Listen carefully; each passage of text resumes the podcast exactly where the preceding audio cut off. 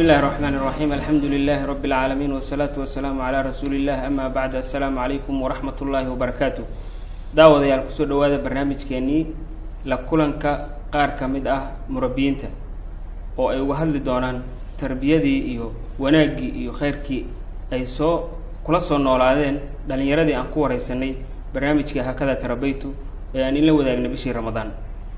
Barnaamijkaasi waxaa igala qeyb qaadanaya doctor cusmaan cabdulla rooble iyo doctor yuusuf axmed hiraabe soo dhawaada dhalinyaradii aan soo wareysanay oo aan ku soo wareysanay barnaamijka hakada tarabaytu waxay nooga sheekeeyeen sadcigii asadcu bilxaq yani xaqa in lagu dhawaaqo sida ay u jeclaayeen mar un inay gaaraan waktiga la iclaamin doono in marxaladii lagu jira laga baxo. Yacni tarbiyadii ay ka soo qaateen jamaacada dhexdeeda oo u diyaarinaysay macnaha in marxalad siriya markii lagu jiray in ay mowqifka hadda ay istaageen inay soo gaaraan. Markii marka xaqii lala jahray oo marxaladii laga soo baxay marxalad siriya dadka qaar waxay ka muujiyeen ama kadisay ku noqotay argagax ayay ka muujiyeen. Marka bal haddaan idin soo dhex dhigo su'aasha imaanaysa waxay tahay maxaa looga baahday in marxalad siriya la galo? Maxaase looga baahan yahay in maantay la sadciyo oo xaqii lagu dhawaaqay? Iyadoo shan iyo toban sano qar shan iyo toban qarni ka hor caalamka uu ku faafay islaamka. Bal insha allahu inay nala wadaagtaan eh, doctor cusmaan fadal. Bismi illaahi raxmaan iraxiim eh, waxaan ognahay rasuulka salawaatu ullahi wasalaamu alayhi inuu yihi bada-a diinu gariiban wasayacuudu gariiban kamaa bada faduuba lilghurabaa diintan markii horene waxay ku bilaabatay iyadoo dadka ay aada ula yaaban yihiin oo gariibsanayaan aakhir zamaankana sidaas oo kale ayay noqon doonaa eh, diinta waxaana markaas un dadka wanaagsan oo badbaadaya ah dadkii waktigaas diintooda si fiican u haysto oo lala yaabi doono ayagana. Haddaba waxaan maanta ka qarsooneyn qof waliba in diintii dadka ay aada ugu fogaadeen. In ku dhaqankii diinta u aad xataa kuwii islaamka sheeganayay diintii waxay kaga dhaqmayaan ay aada u yaraatay. Waxaan ognahay ayagii laftikoodii inay bilaabeen in ay meeshii kitaabka ilaahay ay isku xukumi lahaayeen in ay door bideen inay qaataan dastuuro iyo qawaaniin ay gaalada u soo dejisay oo ay u moodeen inay horumar iyo wanaag gaarsiineyso haddaba marka meeshaasoo kale ay tagtay oo qofkii maanta diintii bay yidhaahdo war aan ku dhaqanno kitaabka ilaahay aan isku xukunno shareecada islaamka aan asalka dhiganno qof lala yaabo wax aan loo joogin casrigaan la yimidiba loo qaato halkaasoo kale marka ay arrinta marayso haddee waxa laga maarmaan ah in dadkii looga soo bilaabo diintii meel hoose oo maadaama qariibnimadii hore ay soo noqotay qariibnimadii hore habkii looga bixiyey in haddana ay daruuri tahay sida kale oo islaamka looga bixi kara qurbanimada gashay inay t saas ay tahay. Haddee hal markaas waxa weeye macnaheeda shaqadan oo kale ambiyadaa qaba jirtay oo dadka diinta markii wax badan ka tirtirmaan dib u soo noolay jirtay. Manhajkoodii in la raaca waa marka iyo habkay wax ugu soo noolay jireen oo hadda khaas ahaan nabigayni salawaatu ullahi wasalaamu calayhi waxaan ognahay dacwada inuu ka bilaabay marxalo sir ah oo ay hadafkeedana ahayd in rasuulka uu tarbiyeysta salawaatu ullahi wasalaamu calayhi saldhig qaacida salba waxaa la yidhaahdaa dad diintan xambaarideeda caalamka o dhan marka uu wajihayo halgan ugalaya dad garab istaaga oo si fiican loo soo tarbiyeeyey oo runtii xambaari kara mas'uuliyaddaas inuu tarbiyeysto. Taas marka waxay keensanaysay in inta uu ka helayo dadkaas lagu tasho karo xambaari kara in buuqa iyo jaahiliyada isku dhaceeda aan laga fogaado.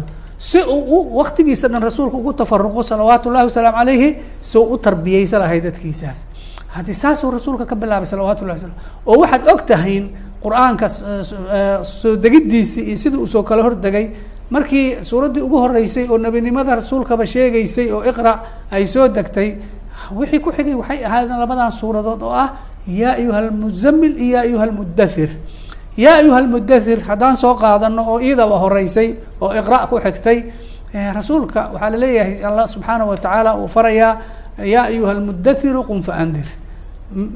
Ninkan isduuduubayo duuduubkuma yaalla istaag ee dadka u dig. Oo macnaheeda ay tahay ummaddii waa baadiyeysan tahay qofkii badbaadi lahayo inuu maarata la gaaro gargaarka laga rabay waa adiga fadhi kuuma yaale istaag oo dadka u dig. Waxaa dhamoo loo digaya muhiimad weyn ayaa ku taala ee muhiimadaas qabo. Hay waayahaye muhiimadaas ah bani aadamka oo dhan baa la badbaadina oo loo digaya arrin sahlan ma aha. Waxay u baahan tahay arrintaas in loo tarbiyoobo. Aayaddii ku xigtay marka maxaa leey ya ayuha lmudatiru qum faandir. Wa rabbaka fakabir dhowrka amar oo ku xiga ya ayuha lmudatir bal si fiican aan u dhuuxno waa kulligood diyaar galays rasuulka salawaatu ullahi wasalaamu aleyh loo diyaar galaynaya risaaladan wixii daruuri u ahaay hadduuba xambaaraya asaga iyo qof kasta oo risaaladan qaado. Waxaa loogu hormariyey wa rabbaka fakabir rabbigaada weyney oo macnaheeda ay tahay allaha subxaanahu watacaala aad diintiisa fidi doonto asaga ha kula weynaado wax kasta ha kaala weynaado waxa dadka ay bani aadamka ka baqbaqayaan ama indhahooda la weyn oo dhan ha kula yaraadaano rabbigaas sidaa ku tiirsan tahay dhaqaaji. oo maanta qofka runtii haddaan macnahaas oo kaleeta aan maanta hoosta u soo dejino duruufaha jira oo kale waxaa dhici karta maanta qofkii yidhaahda diinta ayaan ustaagayaa ama maaragtay maa ama dawladdii tiraahda diintaan ku dhaqmaynaa. Markaa dadka weydiiso waxay kuleeyihin hadde waa nagala xoog badan yahay. Shacbigii markaa tiraa war diinta ku dhaqma oo qaata oo hade annaga dawlad baa na xakunto ayagaa sharci qawaaniin degsaday waana la dagaalamaa ma ka hor imaan karno. Dacwadii dad baa ducaadii saas uga fariisanaya ha ka hor imaanina dawladda. Dawladihii laftikooda ku xataa islaamka sheeganayay markii la yidhaha war diinta qaadataan ood ku dhaqantaan oo waxay le dawladaha waaweyn oo adduunka ayaa naga hor imaana caalamka dhan baan isku kayn tagaya waa nagala xoog badan yahay tabar baana haynaa. Saa darteeda haddee aan iska dhuumano afraaddii saasay leedahay dawladihii saasay leedahay. Wa waxaasoo dhan maxay ka dhasheene? Waxa la waaweyn awoodahaas isbuufaya oo inay wax ay qaba karaan muuqata. Markii ugu horreysay amar rasuulka waxaa la siiyey wa rabbaka fakabir. Waxaasoo dhan alla ha kaala weynaado indhahaada ha ku liitaana habay miisaanba ha u oogin. Tii koobaa taas bay ahayd. Maxaa ku xiga? Marag wa hiyaabaka fatahir warujza fahjur. Oo nuxurkeeda ay tahay maadaama diin aad qaadayso adduunka dhan aad isu bandhigayso qof nadiif ah oo akhlaaqdiisa dhaqankiisa baatinka qalbigiisa iyo daahirkiisaba wax haba yaraato ceeb ahoo lagu duro aan lahayn. Oo nadiif ah warujza fahjur xumiyo dhan qof inta meel iska dhigay. Wax alla wixii wanaag u keenayne ee ku sifoobay. Sidaas weyn qof kastoo daaci ah maanta oo diin baan dad ugu yeeraa leh hadduusan nadiif ahayn dhaqankiisa akhlaaqdiisa hadalkiisa muuqaalkiisa dhinac kastaba hadduusan nadiifka ahayn meel yar oo xumi ah haddii laga helo bar ceebeed oo ku dhegtay noqonaysaa diintiisana waa laga kala tegaa aayadda marka maxay leedahay?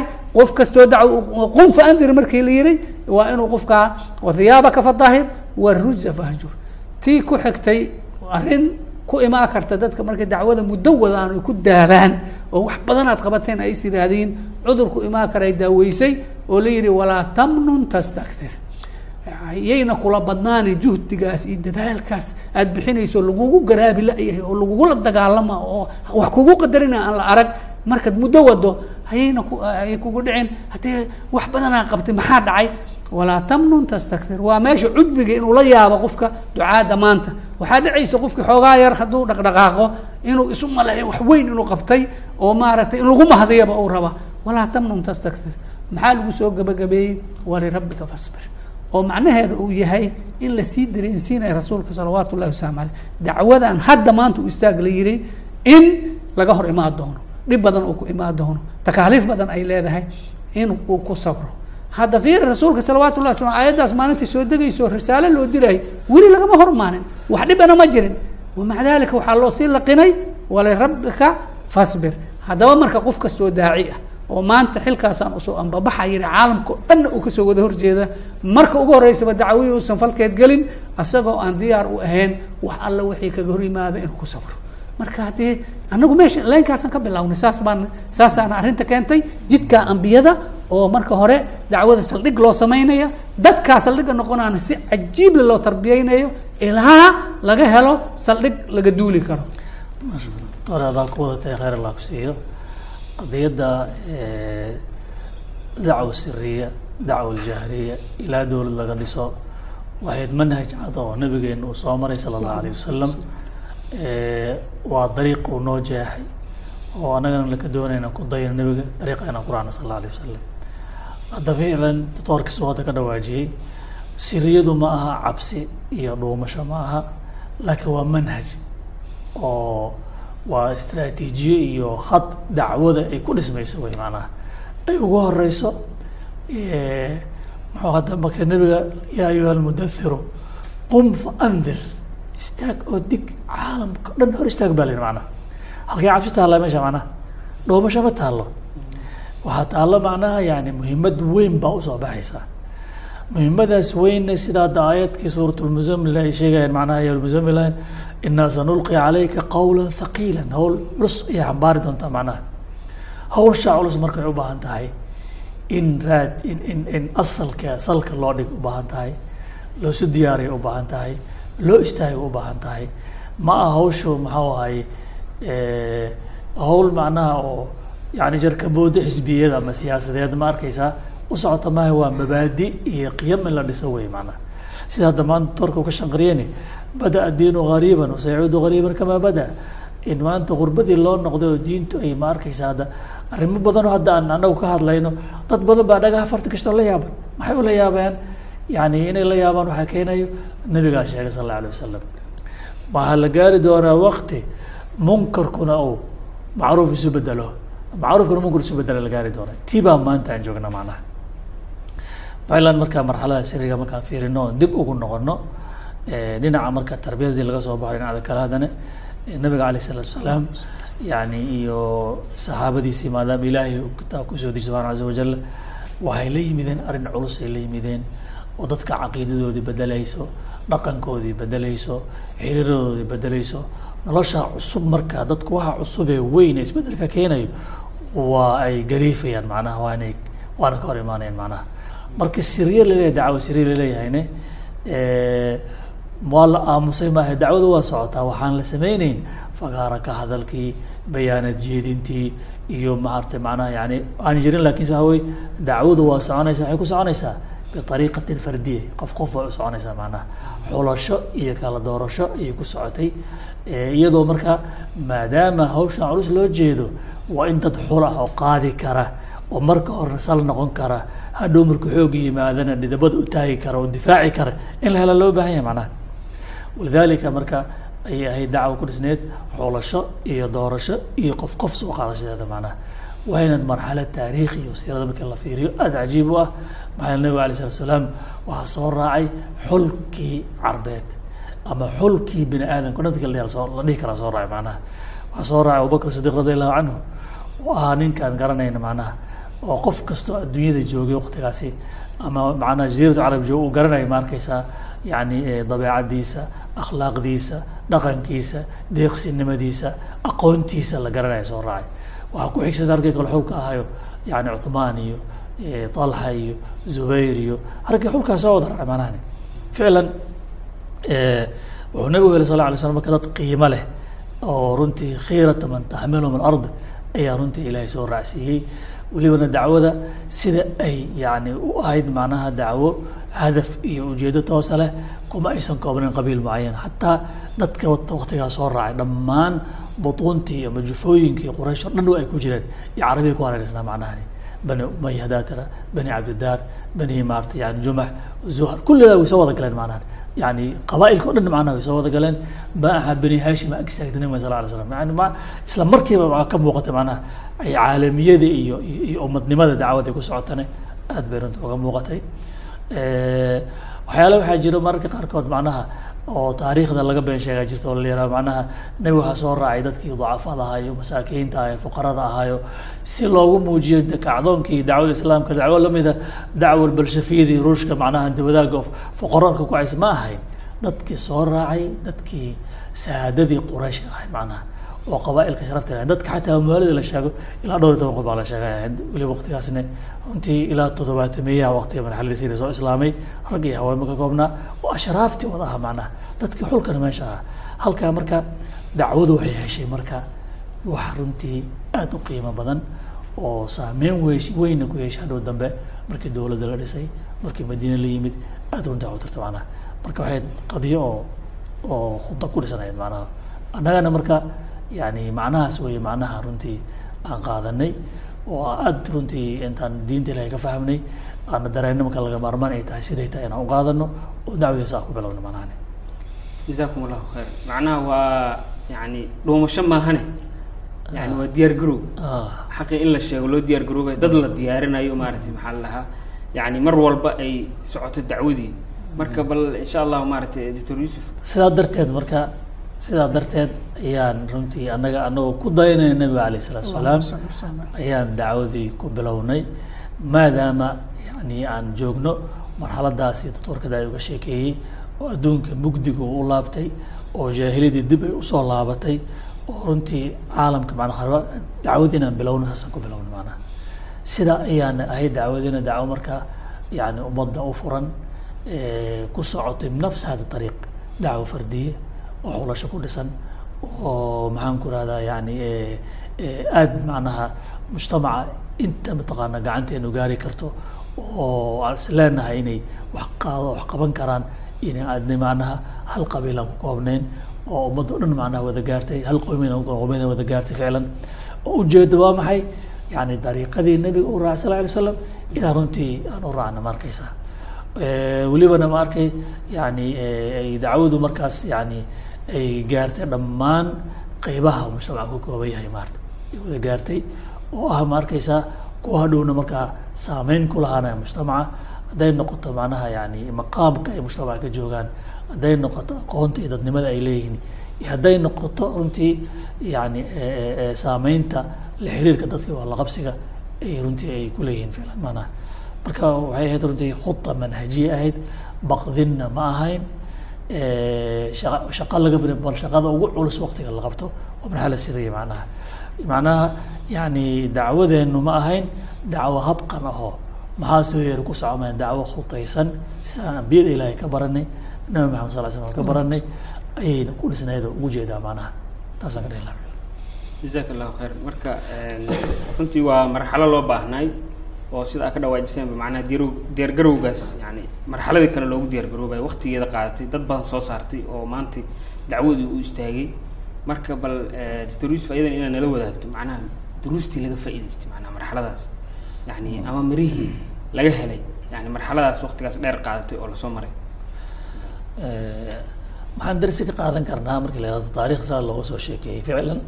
Horta ko yani sida culummada dhan macnaha ay usuusha iyo shareecada ilaahay daraasiyo ka hadla waxay tilmaamaan taariikhu yuciid nafsahu manaa ay soo celinahay ma arkaysa.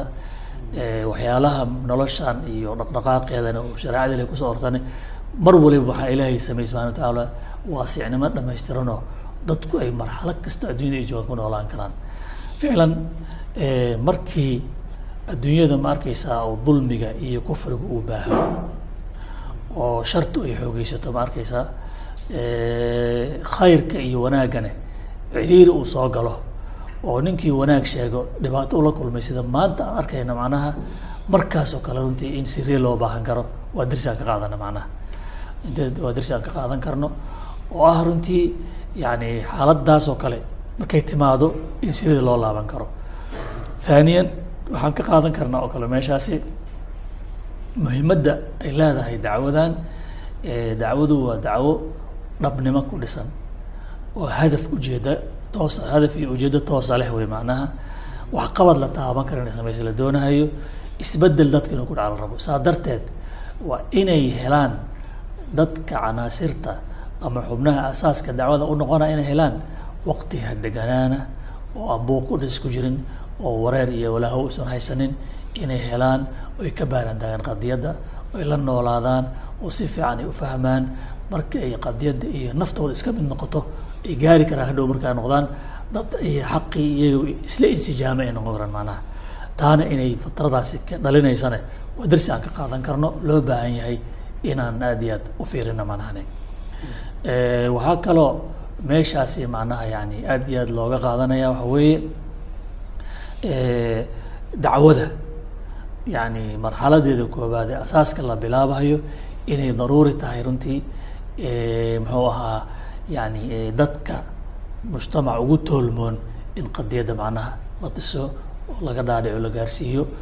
Sababtoo ah dadka waxgaradka ah ee fogaan aragga leh ama indhergaradada indhergaradnimada ilaahay uu siiyey ee mujtamaca ku dhex jiro yani way dareemi karaan mashaakilka insaaniga maanta haysta macnaha way dareemi karaan dulliga ku habsaday ha noqoto caalamka islaamka ku talin jira ku nool ama ha noqoto xataa in badan oo ku nool caalamka reer galbeed ku nool. Qaar badan oo cuqalaha da wada cabaadayo wada qaylinayo dhahayo waa ware waa dhimanay ku haya macnaha ilan xadaarad oo mugdiyo indhala oo fasaada adduunka hogaaminaysa macnahani marka dadka noocaas oo kalea macnaha inay yihiin dadka wanaagga uu gaari karo fahmi karo macdankooda uu wanaagsan yahay marka yani dacwada markay halka inay diiradda saarto inay muhiim tahayna waa darsi aanu ka qaadan karno. Aad iyo aad ahamiyadeed u leh macnaha. Waa xadiiskii rasuulka khiyaarukum fi ljahiliyati khiyaarukum fi lislaam ida mujtamaca in laga ugaarsado intii akhyaarta aheyd oo xulka aheyd oo nuxurka laheyd ha yani dadkaasi marka waa darsi meeshaan ka qaadanaya. Nabiga alay sla saasuu sameeye alayh sala slam mana bal haddaad fiiriso yani dadkii makaarimta akhlaaqda ku wanaagsanaan jira markooda hore. Sideeda maogtahay qofka markii uu waxa uu ku jiro wareer ah jiro uu dareemo xanuunkeeda uu dareemo uu taba inuu isbeddel u baahan yahay markaas mu nuurkaan heli karaya macnaha. Laakiin qof iska qanacsan oo dulmigan la wanaagsan yahay ama cirbadda hurdisiinta inta lagu diray iska hurdayo waxma qaadan karaya macnaha. Intii marka ilaahay uu ugu deeqay macnaha danqashada yani ka danqashada xumaanta iyo dareenka wanaagga. Intaa in la soo qabto wax loo sheego si ay markaa unoqdaan hadhow dadka bini aadamka horseedi laha maxaa bini aadamka wuxuu u yahay dad horkaca hawshaan u istaaga ubahan yahay macnaha. Aad aa mahadsan sar waxaa kaloo noqdo kalan ku dari lahay macnaha waxaa kaloo meesha ku jirtaba yani qofka raba inuu dacwo guto oo diin ilaahi subxana wa tacaala dad gaarsiiye. Dadka uu rabo inuu dacwada gaarsiiyo waxay u baahan tahay daraaseyn dhaqankoodii sida ay u nool yihiin meesha ay maaragtay ka jiran yihiin. Marka kadibaa waxaa imaanaysa yani in lala xaqii loo sheego oo maaragtay la fahamsiiyo. Marka waxay u baahan tahay iyadana marxalo dad isku xiran oo diyaar garoyntaas iyo daraaseyntaas isla sameey walidaalika waxay keensanaysaa inay waxoodii maarata marka hore ayaga dhexdooda ku ekeeyaan dadka kale sida maarata toorkuba uu sheegaya qof qof qofka isdhaan qofkan maarata waa loo bandhigi karaa maanta dacwadii. Aad aa umaadsatahay doctore maarata marka ficlan haddaan dib u laabano isla barnaamijkii hakada terabayt oon dhalinyarada ku wareysanay yani waxay u hadleen dhalinyarada sadcigii. Marka doctor cusmaan marka bal inaad nala wadaagto maxaa ku soo aadiyey waktigan dhalinyarada inay sadciyaan. Bismi illaahi raxmaan raxiim waxaa la yaab leh su'aashaas in lis weydiiyaaba wax lala yaaba ah. Maanta bashariyada meesha bani aadamka meeshuu maraya iyo badbaadinta uu baahan yahay qof ay ka hor muuqato inuu yidhaahdo dhalinyaradii maxay u istaageen inay maaragtay dadkaas badbaadintooda iyo xaq u sheegidooda su'aashaas inay dhalataba maba ahaba. Mar haddii xaaladda bani aadamka halkaas ay marayso oo aana ognahay sideedaba dhalinyaradu inay yihiin kuwa awoodda u leh oo runtii xamaasadii iyo kartidii iyo nolosha maaragtay weli daaqadooda ay ku jirto in ay yihiin kuwa wax bedeli kara kuwa muddo dheer wa waxa sii wadi kara mujtamac kastana wuxuu ku faanaa sidiisaba waa dhalinyaradiisa cududda dhalinyaradooda ayay ummad kastaba ku faantaa. Marka mashruucan weyn oo runtii bani aadamka o dhan in lagu badbaadiyo diintii mar labaad lagu soo celiyo ay tahay wa dadka xambaari kara dhalinyaro wey saa darteeda inay dhalinyaradii dareentay macnahaas oo jamaacadan ku dhex barbaaray oo lagu tarbiyeyey xaqan arkayna maarata ummaddoodii meesha sii marayso inay marka danqadaan oo istaagaan oo xaqaas ayagaba ilaahay uu siiyey ay la jeclaystaan ummaddoodii inay la gaaraan taa waa iska dabiici waay in lis lisweydiiyaaba waa qariib saa darteeda annagu ficlan markii hore intaa aan marxalada siriga ku jirnay howlahan qabanayno ugu weynayba waxay aheeday inaan jiilkaas soo koraya oo beriti waxaan xambaari kara inaan ayaga si gooni u tarbiyeyno kaydka aan ugu talagelayno mustaqbalka dacwadaana in ayaga aan ka dhigno saa darteeda aan awoodayno iskugu geyno sidii loo dhisi lahaa oo dad xilkan la wareegi karo oo qaadi kara ay u noqon lahayn waana ilaahay mahadiis waana ka soo baxeen dhallinyaradeeni rajihii aan ka rabnayne waan ka helnay ficlan way noo qalbi qaboojiyeen. Marka hadda sidaa barnaamijkaas aad qaar ka mid ee dhallinyaradii ku wareysanaysay aada ugu muuqday waa arkaysay geesinimada diricnimada ma garatay xaqa siday u aaminsan yihiin sida horta marka hore u daraaseeyeen oo dad yaqaana oo aqoon u leh waxay dadka ugu yeerayaan ay u noqdeen isu dhiseen cilmi ahaan siday iimaan ahaan isu dhiseen sidii dadka maaragtay waxa takaaliifta beri arrintan oo kale ku imaanayso dad maaragtay ubabac dhigi kara si ay u noqdaan aysan haba yaraatee ka baqin jaahiliyadan awoodda badan oo maanta wixeeda qofkii diidaba ma garata uu baqayo dadkii waaweynaa iyo dowladihiiba ay leeyihiin kama hor imaan karna caalamka beesha caalamka kama hor imaan karno awoodaha waaweyn oo adduunka xukuma kama hor imaan karno ay u baqayaan. In dhalinyaradaas ay maaragtay runtii iyagoo si geesinimo leh oo aan waxba ka baqaynin xaqii ay arkeen oo daruuri bashariyadda inay u tahay ay arkeen inay si diracnimo soo bandhigaan waan ku faraxnay waana waxaan u diyaarinayna saas bay ahayd. Jazaak allahu khayr. Ficlan waa dabcan aad aan u faraxsana annagana inaan dabcan ka mid ahay maaragtay mirihii iyo tarbiyadiina la soo siiyey iyo inaan maaragtay yani xaqaas wax badan aan ku soo nooleen yani marxaladaasna ilahi subxana watacaala uu jamaacada waafajiyey inaan ku soo dhola ku soo dhex noolaano oo yar iyo weyn ba isku soo tarbiyayaan kadibna ay xaqii la jahraan marka eh, editor yuusuf marka bal waxaa noo raacisaa yani bawaacista keentay macnaha waktigan ficlan waxay daba taallaa tii eh, mm-hmm. sadciga. Mm-hmm. Yani in la sadciyo albawaacith alati addad bisadci fi hada lwaqti yani waktigan sadciga waa kuso ad ah, su'aal meesha ku jirta weye eh, annaga alxamdulilah rabbi alcaalamiin anagoo iltizaamayna manhajka nabiga sal la alay wasalam ayaan sidaas siriyada u soo galnay aan ugu soo dhisanay marka markii nabigana alayh salatu salaam waxii baa u soo degay oo siriyada ka bax yiri macnaha annaga de waxay noo soo degayo ma laha. Ayeesha siirada waxaan ka dhadhansanay oo taarikh nabiyadan ka dhadhansana macnaha. In marxalad kasta ay leedahay wasaaisheeda munaasabka oo ay leedahay. Markii masaaishaasi markii ay gaarto aqraadii ujeedooyinka laga laha ay gaarto ay soo buuxiso inay automatically is wareejinayso marxalad kale u wareegeyso macnaha.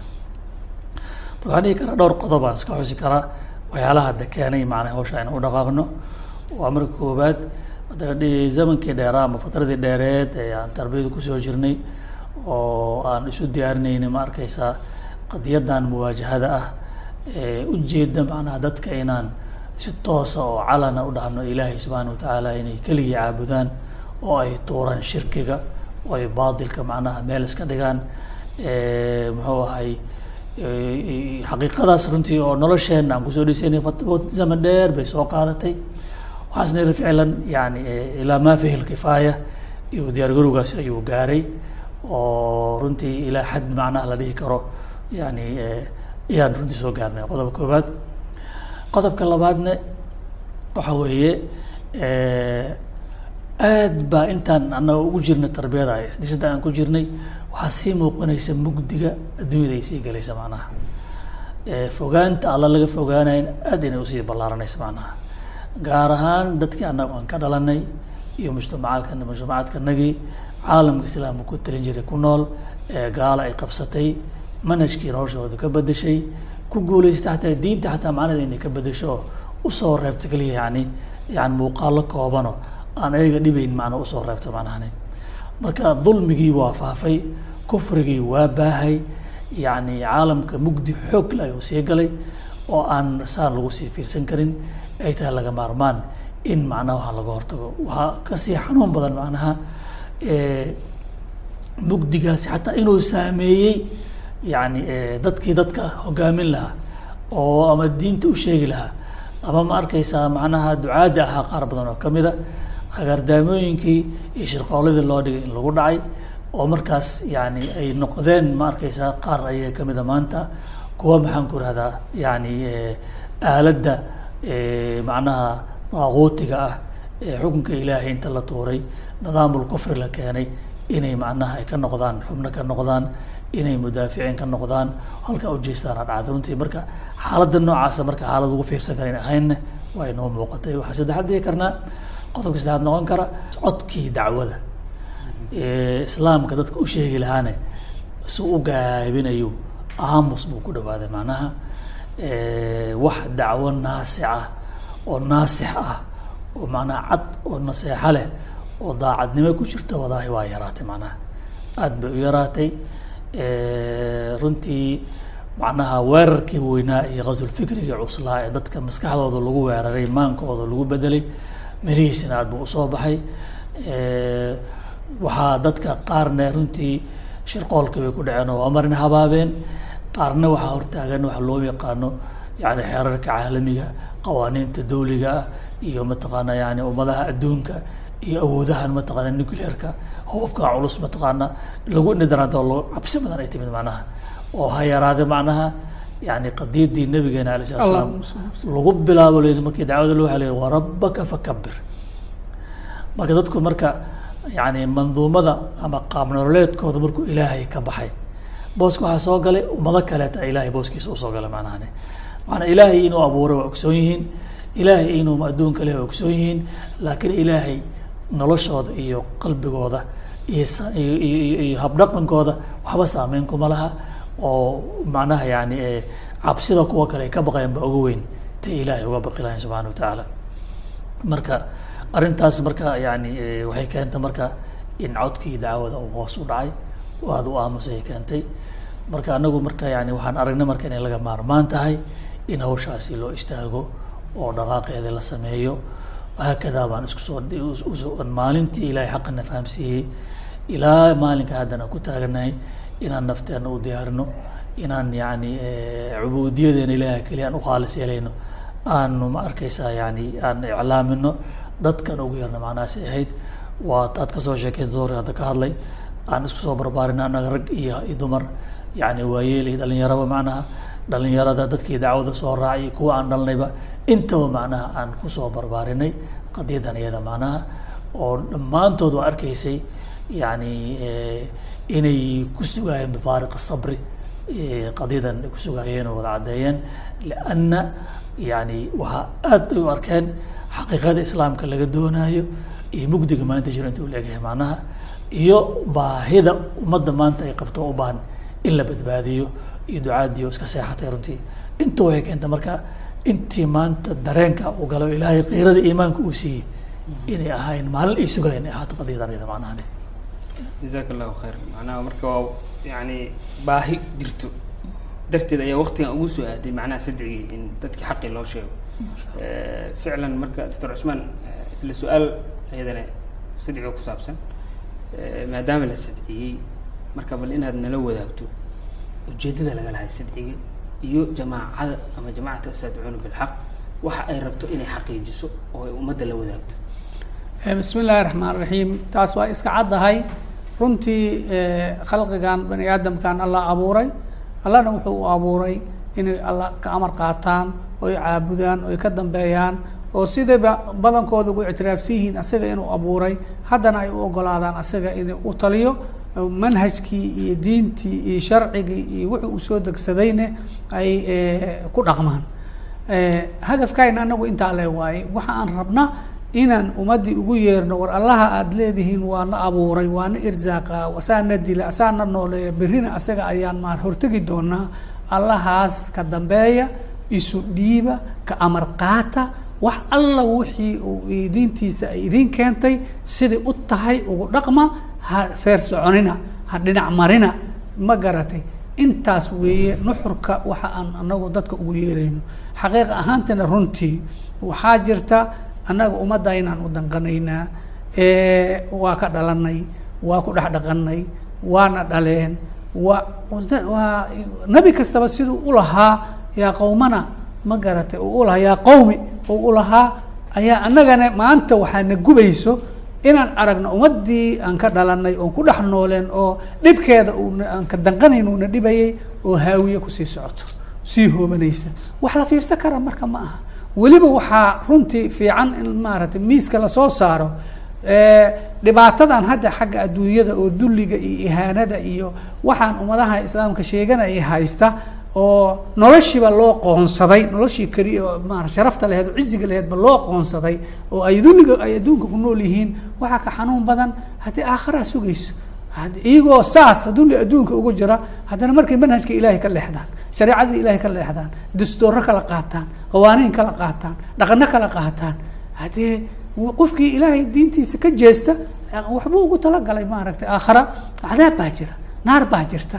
Marka qof marka ujeeda ummaddiisii adduunkana inay dulligaas yahaan maalinba ku sii shalwanayso aakharana waxa sugaya inta diintii si fiican u bartay si fiican u yaqiinsan aakhare waa waxa sugaya haddii fadhi uma yaalo marka ummadeenna marka udanqashada aan u waxa aan rabno marka la soo koobo waxa weeye ummadda aan ujeedno adduunkana dulligaa inuu haysto aakharane ilaahay diintiisa hadday ka leexdaan o saa ku sii socdaan naar ay u dambeyso in marka laga gaaro cod dheer oo weliba aan ma aragtay maxaan ku iraahdaa si cad oo bareer oo loo daahdaahin looga sheego waxyaalaha xasuusinta mudan waxaa ka mid a dadka bani aadamka sideeda marar badan runta in loo sheego ma ogolo khaasatan khalad iyo wasaq hadday ku dhex jiraan in la xasuusiyo oo waxooda la baarbaaro ma jeclo. Taas waxay u keentay dad badan oo ducaadi ka mid a ayagoo ujeeda xataa khaladkii inaysan xoogaa agmarmaraan oysan boogta danqinin.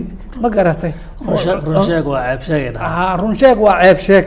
Marka ummaddii xoogaa inay kula dhici waayaan xaqiiqda meesha ay xaalkeeda marayo waxa ka khaldan oo aan xataa macaasi yaryar ku koobnayn oo caqiidadoodii iyo diintoodii iyo asalkeedii wax badan ay ka halaabeen inay maaragtay lagu dhici waayo oo laga gabado. Jamaacat saadicuuna bilxaqi sida kalimati sadci oo allaba markii hore rasuulku uu faray fastac bima tumar uu yihi waa dilaacin saadicuun bilxaqi waxay u soo istaageen waxa waaye ummadda cudurka haysta boogtiisa inay si fiican u dilaaciyaan maasha banaanka la soo dhigo aanan looga aaba yeelin yaa nici doono yaa ku farxi doono yaa yaa ka xumaa doono yaa ka hor imaan doono maxaa dhib hor naga soo gaaraya? Intaasba anagoon u fiirinin inaan sida saxda u sheegno maxaa yeelay saasay danta ugu jirtaa aakharana inay badbaadaan adduunkana ay cizi ku noolaadaan. Cizi markay jaamaacadan ay aragtay ummaddan marka horeba waxaan o dhan waxay ugu yimaadeen diintii oo ka fogaadeen. Haddana badbaadadeeda waxa kale ku imaan karta waxa weeye diintii oo lagu soo noqdo. Hadalkii cumar bin khadaab uu maarata yiray naxnu ummatun acazana allahu bilislaam fama btagayna alciza fi gayrihi adalana allah waa meeshaan ciziga ummaddan sharaf adduunyo iyo aakhare inay janno hesho cadaab ka badbaado diintaas bay ugu jirtaa. Tiina ayagoo ka sii maar tagaya oo shayaadiin ay u tashato laga sii farabaxsana intii hadba laga sii haystay ayaa noo muuqatay. Warkaaliya ku soo noqda cizi meeshaas adduun idinku horeyso cadaab aakharana aad kaga badbaadaysaan. Nuxurka dacwada ayna waataa. Yani mansab iyo magac ku dooni mayno waxaan dooneynaa inaan nafteena aan badbaadino ilaahay agtiisa ka fakano lan mogtahay yani xaqa haddiina la tusiyey oona la fahamsiiyey oona lagu soo nooleysiiyey inaan qarino waa nagu xaaraan xaaraan naga taha manaha lacnada ilaahay ka imaanaysa macnahani marka taas waa ka cararaynaa ilaahay aan uga beri noqonaynaa macnaha saa inaan sameyno macnaha ilaahay asagoona hortaagan ujeednane inaan sharciya duwaliya iyo waxaan kale ka cabsanane waa shay mataqaana barko mataalaydan macnahani marka inaan ilaahay ka cabsano oo aan ti ilaahay hormarino waa midna najiidaysa ka mid tahay iyo runtii dadkaas oo dadkeena inaan runta u hadday nagu raacaanna waa jecelnahay waa ugu duceynayna macnaha. Haddii ay diidaanna hadde waxa weeye xaqiiqadii annaga nasaarinad waa u sheegna macnahani ma garad waxaan is rajeynayna insha allahu tacaala ilaahay bini aadanka khayr buu la jecel yahay inay soo bixi doonaan in badanoo inta baraarugto warkaan naga fiican u yeelad inay soo baxaan waa ku raja weyna ilaah idinkii subxaana caza wajal laakiin annaga taas wax weyn noogama jiro xilkaynaan gudanahay asal noo ah macnaha oo aana ma arkaysaa u diyaarnahay wax kasta oo ka yimaada diyaar u nahay macnaha jazakum allahu khayr macnaha waa sharaf adduun iyo aakhiro waxay ku jirtaa macnaha kitaabka ilaahi subxaana wa tacaala loo laabto suurat lambiyaa ilahi subxana wa tacala wuxuu ku leeyahay laqad anzalnaa ilaykum kitaaban fiihi dikrukum afalaa tacqiluun macnaha hadda waxaa la raadinaya sharaf kale iyo cizi kale iyo kitaabka ilaahiyna waa laga tegey marka jamacata saadicuuna bilxaq wax kale dadka uguma yeereysa macnaha kitaabka ilaahay oo sharafta iyo ciziga noogu jirto in loo soo laabto. Aada umahadsantihin jazakum allahu khayran. Daawadayaal adinkana aad ayaa umahadsantihiin xalaqadan halkaas ayaan ku soo gabagabeyneynaa in sha allah waa inoo mar kale. Wasalaamu calaykum waraxmat ullaahi wabarakaatu ah, ah, ah.